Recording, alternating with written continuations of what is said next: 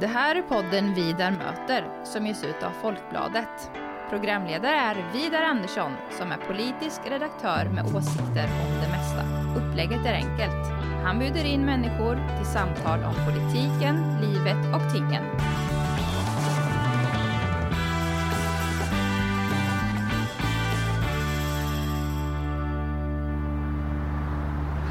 Välkommen till Vidar möter Aron Etzler. Tack så mycket. Du är partisekreterare i Vänsterpartiet. Japp. Mm, och du och jag sitter här en sommardag eh, utanför Riddarhuset. Jaha, det ja, stämmer. Ja, och du valde den platsen. Ja, men jag tänkte att det här är chansen att komma ut i solen.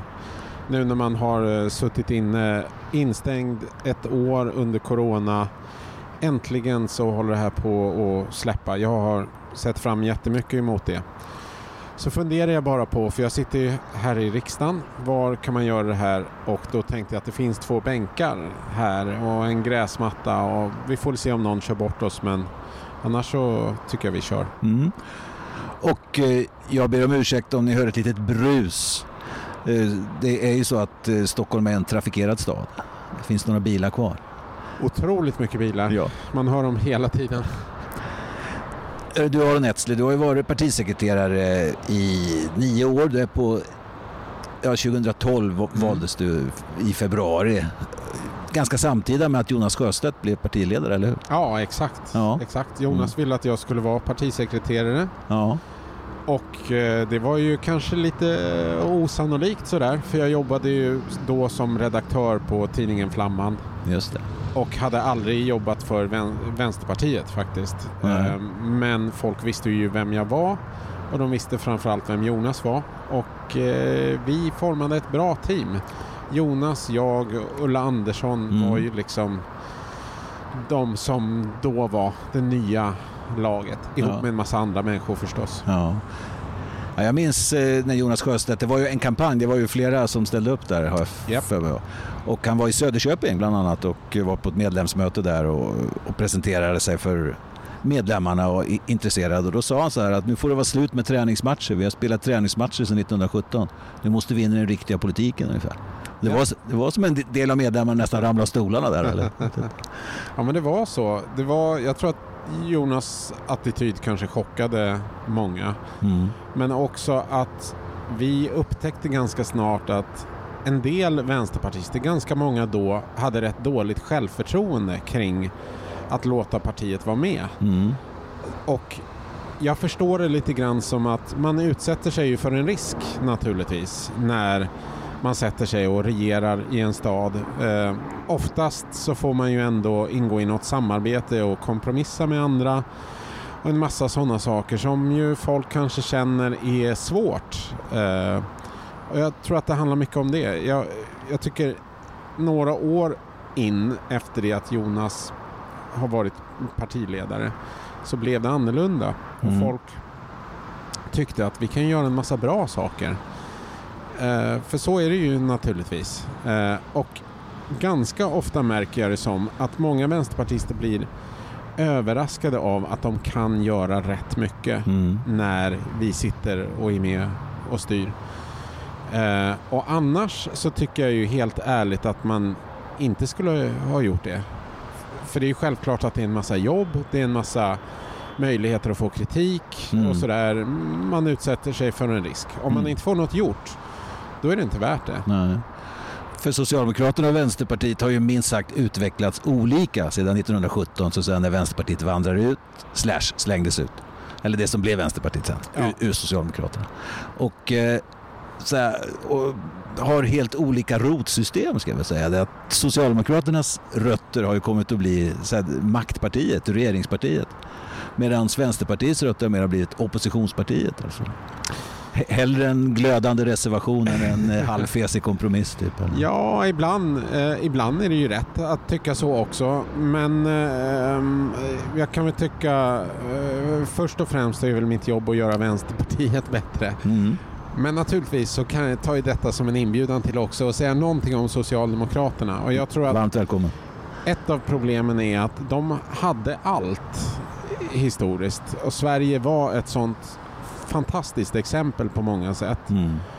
Ja, någon gång i slutet av eh, 80-talet. Må- Många daterar det här till Palmemordet och så. Mm, Jag skulle säga att det faktiskt var lite tidigare. Men så börjar man ju liksom tappa de här kärndelarna. Det är inte lika lätt att styra längre efter 79 till eh, Mm. 82. Och eh, det blir som att steg för steg så tappar man den här missionen att, att vara någonting som har ett uppdrag. Och vad är, vad är kvar då? Ja, då är det ju väldigt mycket att regera och att försöka nå makten och sen intala sig själv att det alltid blir bättre. Mm. Och det tror jag är en fälla faktiskt. Mm. Alltså ett parti utan en mission går liksom en rätt plågsam framtid till mötes. Mm. Men måste man alltid ha ett uppdrag? Är inte det rätt daterat om du menar alltså ett, ett eh, uppdrag eh, som eh, överglänser allt annat? Kan det inte vara ett oerhört viktigt uppdrag att ta hand om landet på bästa möjliga sätt? Så att folk har det bra och det finns jobb och man finns bostäder och sådana. Det är ju alltid en del. Ja. Alltså, eh, om man inte är beredd att offra en del för precis det som du beskriver, Mm. att se till att det går bra för Sverige, Mm. då är det ju jättesvårt att regera. Men jag tror att i slutändan så blir det en väldigt teknokratisk idé om politiken. Mm. Ganska ofta kan jag se, om jag tittar på Storbritannien nu till exempel, där har ju just vänstern inom socialdemokratin lidit ett enormt nederlag och nu har de någon figur som säger att han är i mitten där. Och den typen av argumentation de då har, Labour i Storbritannien, det är att vi är mer kompetenta än högern. Och för det första så funkar det inte så bra när de andra har regeringsmakten. Eh, därför att de har en oerhörd bonus då. Så det är ju... Men för det andra så tror jag att många undrar vad står Labourpartiet i Storbritannien för? Mm. Och det är ganska uppenbart för mig att många av de socialdemokratiska partier där det är otydligt vad de står för går inte en god framtid till mötes. Mm. Storbritannien är ett exempel. Jag kan tycka att många av de här exemplen där det går riktigt dåligt som Frankrike eller Nederländerna eller Grekland eller så. Det är ju lite samma sak. Alltså har du suttit vid makten, folk kan inte skilja dig från ett borgerligt parti. Mm. Ja, då vinner liksom borgarna därför att de har alltid en slags bonus av eh, liksom att eh, vara hårdast mot Mm. brottslingar. Vara eh, de som är mest förknippade med eh, näringsliv och högern och så. Va, vad jag vill säga är helt enkelt att det är verkligen en förlorarstrategi att inte ha ett tydligt budskap. Jag tycker det märks på alla partier. Vi, vi kan Mm. prata om Liberalerna idag. Mm. Vad är Liberalernas budskap? Mm. Det är väl att de ska, måste klara sig kvar i riksdagen. Ja, och hur många entusiasmerar det? Mycket få. Mm. Eh, så jo, jag tror att det är ett problem för dem. Ja. Det är det. Ja, och samtidigt då kan man säga, vi sitter ju här, det är den 2 juni idag, SCBs majmätning stora, precis, precis anlänt. Då kan man säga att det är väldigt stabilt ändå. Socialdemokraterna ligger på valresultatet, Ja. sina 28 procent. Så är det. Ja, det är väldigt stabilt. Alltså, då kan man tänka sig att de som tycker att det stabila borde vara 45 och sånt där kanske är besvikna. Men jag, jag, jag, jag tycker enastående siffra med tanke på konkurrensen och på hur allt har varit. Ja. Det tycker jag. Jag tycker nog så här att eh, det stora problemet eh, borde vara för både dem och oss att det sammanlagda rödgröna alternativet är så svagt. Mm. Eh, så är det ju naturligtvis. Nu är ju Centerpartiet, verkar det som, en ny del av ett slags rödgrönt block. Ja, visst är det så? Ja, det skulle jag säga. Mm. Ehm, de, alltså, jag, om man backar bandet, jag, jag ska inte låta bitter här, för jag, men jag tror att det fanns en annan möjlighet en gång i tiden. Vi hade ett fungerande samarbete med Stefan Löfvens första regering Eh, och det var ju egentligen efter 2014 det såg ganska bra ut i mätningarna. Det fanns inget som krävde att man skulle bjuda in borgerliga partier i den samlingen. Men Stefan Löfven gjorde det, tror jag, därför att han verkligen ville det. Mm. Det var inte för att han var tvungen till det. Och lite grann så eh, blir det ju ändå så då att ehm, eh, den här stenen sätts i rullning. Och, och den inbjudan som fanns då till Liberalerna och Centerpartiet den blev ju liksom eh, också ett regeringsunderlag efter 2018. Mm. Jag tror att det var precis det Stefan Löfven ville göra. Ja, på något sätt om man ser så att försöka eh, bredda ett möjligt regeringsunderlag så måste man ju Ja. gnugga sig mot varandra ett tag. Så kan man ju tycka, men jag tycker att en av de bästa strategier som vi har haft historiskt sett är ju blockpolitiken. Jag tycker den ha, hade ett oförtjänt dåligt rykte då, för den, det är ju trots allt så att i nästan samtliga regeringar utan några få så har det inneburit att rödgröna partier har kunnat styra Sverige. Mm. Och jag förstår mycket väl att man måste liksom laga efter läge och få en regering efter det, liksom, eh, de mandat som finns. Ja, eller hur? Det är väldigt skillnad att ha 100 mandat Ja, eller ja. att ha 100, eh, 160. Jo men så är det ju naturligtvis. Men jag menar att Stefan Löfven ju gjorde det här av politiska skäl. Därför att jag tror att han trivs mer så. An- antingen, eh, för så uppfattar jag det som en stark vilja. Eh, och naturligtvis för att splittra borgerligheten och sådär. Mm. Jag tror att det var onödigt. Jag tror Mm. att vi hade kunnat ha en stark fungerande rödgrön eh, regering ändå. Mm. Men nu sitter vi där vi sitter och då Ja, får precis. även Vänsterpartiet laga efter läge. Ja, eller hur? Och när, när man ser på SCBs eh, siffror då som kom idag eh, så visar det sig, jag tycker de, det mest intressanta med de här tycker jag det är att se hur väljarna har rört sig mellan partierna eh, sedan valet. Och då ser man ju att eh, för Socialdemokraternas del så har ju väljarna gått till höger, till Moderaterna och, och även också till Sverigedemokraterna. Ingenting har gått till vänster. Nej, men ju, tidigare så har det ju gått till ja, visst. Vänsterpartiet. Men är det nu, nu, nu var det noll där liksom. Ja, jag, jag tror att det handlar om att eh, må, alltså, huvudproblemet är ju naturligtvis att något rödgrönt parti tappar väljare till höger. Mm. Och jag tror att vad det handlar om är ju det jag försökt säga tidigare, nämligen att om du inte har ett eget tydligt budskap eller om du till och med kanske anpassar dig ganska mycket till dina motståndare så kommer folk snarare att välja originalet i längden. Mm. Alltså om Socialdemokraterna själva fokuserar på saker som Moderaterna vill liksom ha i fokus i samtalet. Ja, varför inte rösta på Moderaterna? Mm. Och det tror jag är... Jag, jag kan tycka att eh, det är väl en av de stora liksom, slutsatserna om man tittar tillbaka på hela 1900-talet. Vi, vi pratar om det här ofta i den väldigt postmodernt som någon slags berättelse. Mm. Sådär. Men tidigare så kanske man pratade om det som eh, en mission eller en idé om Mm. samhället. Vi vill förändra samhället på ett visst sätt. Och det blir en skillnad om du har en sån idé eller om du inte har det. Mm. Det, det har varit rätt mycket av vår poäng. Ja precis, och jag menar jag förstår eh, och inser att det ligger mycket i den kritiken som bland annat eh, fördes fram av Liberalerna lite oväntat kanske medan de var kvar i det här samarbetet fullt ut. Eh, Så sa ju Nyamko Sabuni flera gånger att den här regeringen måste ha ett gemensamt uppdrag. Sa hon. Ja. Ja, annars varför är vi en regering? Nej, så är det. Ja, ja visst.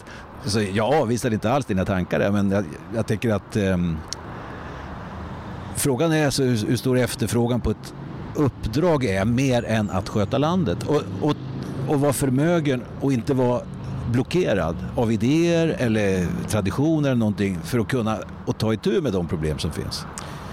Ja, men då tänker jag att man får lära sig skilja mellan vad man vill och vad man kan ordna. En, Mm. Ibland är det ju en skillnad mellan långsiktigt och kortsiktigt.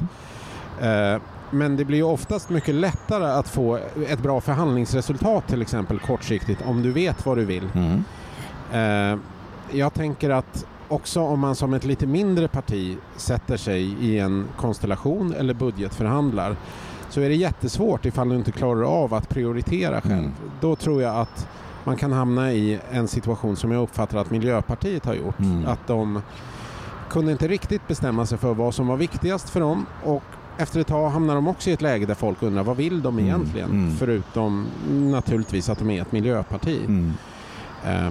Men jag, nu har jag kritiserat andra partier tillräckligt mycket. Nej, det, för är så- dagen. nej du, för ju ett, du för ett resonemang där tycker jag. Är, Men lå- Ja. låt mig ta upp Ja, en, en Mm. motbild då. mm. Jag har ju ofta tyckt att Demokraterna i USA är ett ganska urvattnat parti och USA är helt annorlunda. Det är partier är kampanjapparater Mm. rätt mycket. Men jag är rätt imponerad hittills av både hur Joe Biden och Demokraterna vann valet men också att de liksom förvaltar sin koalition. Att Mm. det finns en tydlig inriktning. Som jag uppfattar det så har ju vänstern inom Demokraterna faktiskt fått ett visst mandat här. De har drivit på vissa saker. Allting ifrån liksom, eh, en tydlig klimatomställning till en mer progressiv eh, skattepolitik och liknande. Och Joe Biden har sagt okej, men jag förstår att ni är en del av oss Mm. och låt oss sy ihop någonting som vi alla kan acceptera. Mm. Jag tycker det är så tydligt att de förde en valrörelse som man behöver göra i det här tidevarvet med högerextrema partier och med Trump och så vidare. Att ge dem inte så jäkla mycket utrymme. Eh, Tala om vad som är gott med vårt land och försöka återställa det. Alltså, och sen naturligtvis så måste det bli action efter valdagen. Mm. Du kan inte bara gå till val på ett program som är negativt och säga vi ska inte välja de Mm. andra utan ja, vi har ett uppdrag att göra någonting med USA. Mm. Jag, jag tycker det är rätt uppmuntrande. Mm. Nu får vi se, det kanske går åt skogen men just nu Ja, så jo, tycker jag det ser bra ut. Allting kan gå åt skogen och, och mycket kan också gå bra. Vi, vi får helt enkelt se. Du, jag, jag tänker mig så här att ni i Vänsterpartiet sneglar en del på Miljöpartiets utveckling, alltså som eh, sa, samarbetsparti, lite sam, samarbetsparti till Socialdemokraterna och de besvärligheter som de onekligen har haft. Jo, Och kanske är lite oroliga för att hamna i samma soppa om det skulle bli så. det tror jag alla mindre partier är. Och när vi har tittat, man kan ju se statistik på det. Ett tag så var det ju som att jag, jag menar, jag har till och med skrivit två böcker som egentligen handlar om den här regeringsfrågan och ett tag så var det otroligt svårt att hitta ett enda exempel på ett vänsterparti som faktiskt inte blev mosat i regeringsställning. Och det är klart att det avskräcker. In, ingen vill ju hamna i den situationen. Men när jag tittar idag på det, på Danmark, på Finland, Island, eh, Norge, tidigare exempel, Mm. så kan man se att en del av de här partierna klarar sig rätt bra Ja. faktiskt. I, I Danmark, som kanske inte är mm, det bästa favoritexemplet alltid, men där så finns det nu två vänsterpartier. Ett som sitter i regering, ett som är utanför och det går bra för båda dem. Mm. Mm. Eh, och jag tror inte att de känner att de har fördärvat sin själ eller någonting sånt. Nej, man behöver inte fördärva sin själ. Men eh, fr- frågan är vad som har hänt. Är det omvärlden som helt har förändrats eller har partiet också förändrats, alltså anpassat sig till nya läget och lärt sig att hantera ett nytt läge? Både och kanske. Ja, ja visst. Det är förmodligen det som krävs. För om man är, är det inte så, så, så tänker jag. Eh, och, och inte alls för att låta elak utan det är bara lite bondförnuft om man säger så. Du får vara hur elak du ja, vill. ja, ja, nej men alltså man säger, små partier är små. Därför att väljarna tycker att de är lite konstiga. Ja, så kan det vara. Eller hur? Att, att de är, har man 5-6 procent så Då är man lite konstig.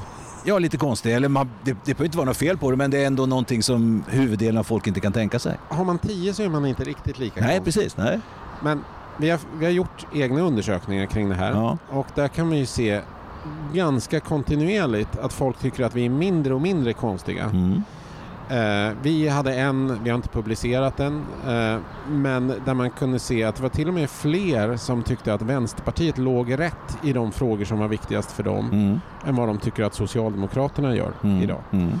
Och det var ju 29 procent av hela befolkningen som då ansåg att ja, i mina viktigaste frågor Mm, så mm. ligger Vänsterpartiet rätt.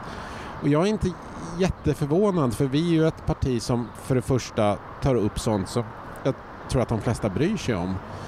Eh, just nu så handlar det mycket om sjukförsäkring och marknadshyror. Vi har en kampanj som handlar om klimatomställning och skapa jobb. För jag tror att man får inte hamna i det här skräckläget. Nu måste vi genomföra klimatomställningen och då gäller det att visa att det kommer att ske en massa positiva saker med Mm. det. Ehm, och det kommer kosta väldigt mycket pengar, det kommer ta väldigt lång tid men vi måste ju liksom rädda den här jorden som vi bor på också. Mm. Alla de här sakerna tror jag att folk, alltså det är inte så att man undrar varför bryr de sig om det? Eh, utan de flesta eh, tycker nog att det är rätt naturligt. Och många av dem som inte, absolut inte kan tänka sig rösta på Vänsterpartiet det är ju folk som är ganska rejält till höger. Mm. Men annars upplever jag en större respekt, större förståelse Jag tror att det spelade jättestor roll att vi hade Jonas som partiledare. Absolut. Att vi har Nooshi nu. Mm. Det, de, är, de uttrycker sig begripligt och pratar om viktiga saker. Ja, de, de är väldigt bra. Jag hör nästan bara goda saker om dem faktiskt. Ja, vad kul. Ja, om, om båda och och- också om eh, Nooshi här som är ny. Att de liksom... Eh, många man talar med. Ja. Både lite till höger och sossar och lite... Ja, folk jag inte vet vad de röstar på. Men alltså men som... Eh, ja, som tycker att hon är bra. Ja. Så där har ni nog en god framtidsinvestering. Men Tror det. då kommer vi till nästan det jag är mest nyfiken på. Det ligger ju i framtiden så det vet ju inte vare sig du eller jag någonting om. Men, men kan det vara så att eh, Vänsterpartiet nu på allvar, efter de här dryga hundra åren av träningsmatcher, är beredd, alltså att det skulle kunna bli så att Vänsterpartiet har en plats i nästa regering om, eh, det om den blir socialdemokratiskt ledd? Skulle det kunna vara så? Om ni själva får bestämma? Så skulle det kunna vara. Ja. Jag, jag tycker att det är tidigt att säga det. Vi, eh, det ska vara en massa diskussioner om det. Det kommer upp säkert på vår kongress. Där Mm. brukar vi skriva någonting i valplattformen kring ja. vad kan vi tänka oss Precis. kring det här Mm. och det här. Naturligtvis så är det ju så att eh, ett slutgiltigt beslut kring det här brukar ju ske efter valdagen, efter förhandlingar och så. Precis. Det är ju bara vad jag har sett borgerliga partier som har liksom eh, styrt ihop en allians liksom flera år i förväg Mm. före ett val. Fast det var ju väldigt lyckat det de gjorde. Det var det. Eller, då, det har du också skrivit en bok om. Absolut. Ja, som var väldigt intressant faktiskt. Ja. vä- Väldigt, eh, det var väl deras mest framgångsrika Ja. exempel på många, många år. Ja. Så är det. och bygga ett lag på det viset. Men om vi tar så här rödgröna blocket, vad vi ska kalla det. Röd... Ja, men jag tycker det är ett bra namn. Ja, ja okej. Ja. du gillar block. Ja. Men alltså då, då, så, eh, då, då, då kräver det ju en massa olika saker efter valdagen naturligtvis. Både jag läste här vad Karin Pettersson som är kulturredaktör på Mm. Aftonbladet.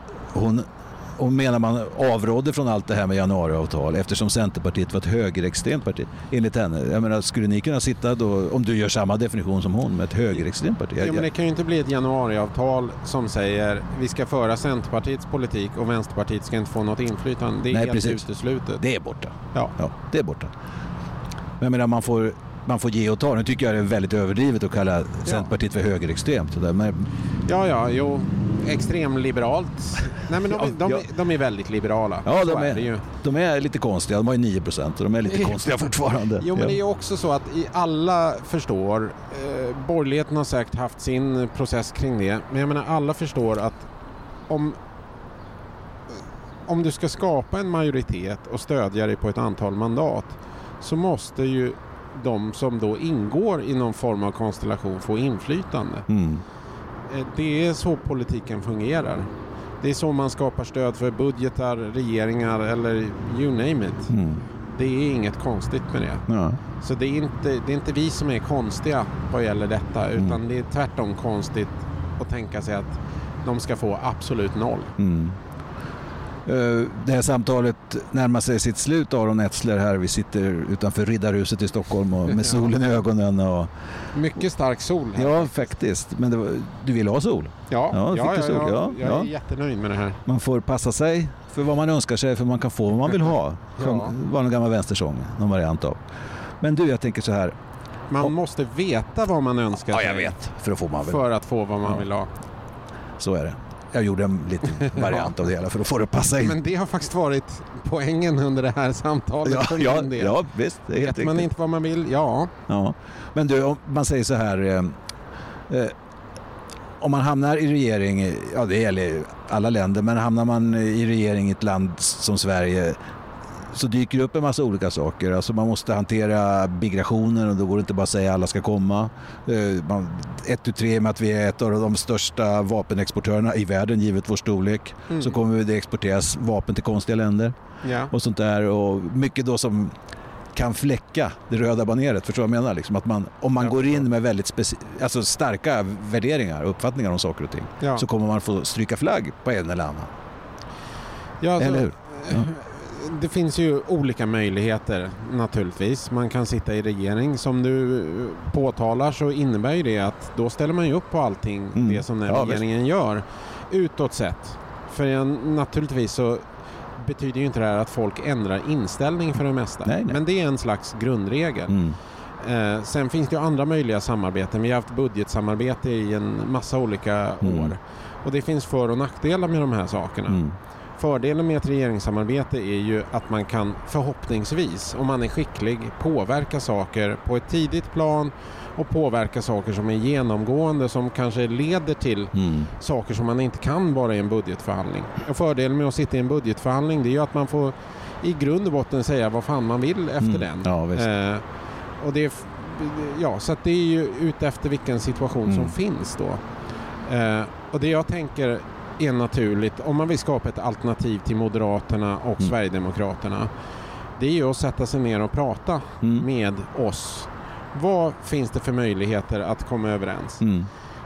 Och innan dess så ska vi ha en valrörelse Ja, naturligtvis. Mm. Eh, eller jag säger inte att man inte kan sätta sig ner och prata med oss nu. Det är Mm. ju också möjligt naturligtvis. Men ibland så utkämpas ju sådana här saker liksom som strider i själva valet. Så Mm. får man se, vem är det som det går bra för? Ja, eller hur? Vem vinner vilken debatt här? Mm. Eh, kommer det vara lyckat att eh, införa marknadshyror eller kommer Vänsterpartiet kunna stoppa det? Det är ju sådana saker som är pågående nu. Mm. Eh, och då får man ju se vad händer i denna valrörelse. Det jag tycker är kul med att Vänsterpartiet säger ja visst, vi kavlar upp ärmarna. Vi kan tänka oss eh, både det ena och det andra formen av samarbete. Det är att vi nu kan diskutera de viktigaste sakerna eh, på bordet. Att Mm. det inte bara blir sånt som moderater och sverigedemokrater Mm. vill prata om. Utan nu får vi prata om, okej, hur ser alternativet ut då? Mm. Och vad är det för saker som ingår i det? Och jag tror att i motsats till vad många tror kanske så kommer ju Vänsterpartiet och Centerpartiet ibland att komma överens om vissa saker alldeles förträffligt. Du, det tror jag absolut att ni skulle kunna göra. Och jag hoppas att eh, Socialdemokraterna sätter sig ner och pratar med dig och med Nooshi och de andra i partiledningen och försöker känna på om det, om det finns någon möjlighet. För jag tycker precis som Jonas Sjöstedt, det är dags att sluta spela träningsmatch, dags att komma in i den riktiga politiken. Stort tack Aron Etzler för att du vill vara med i Vidarmöten. Tack!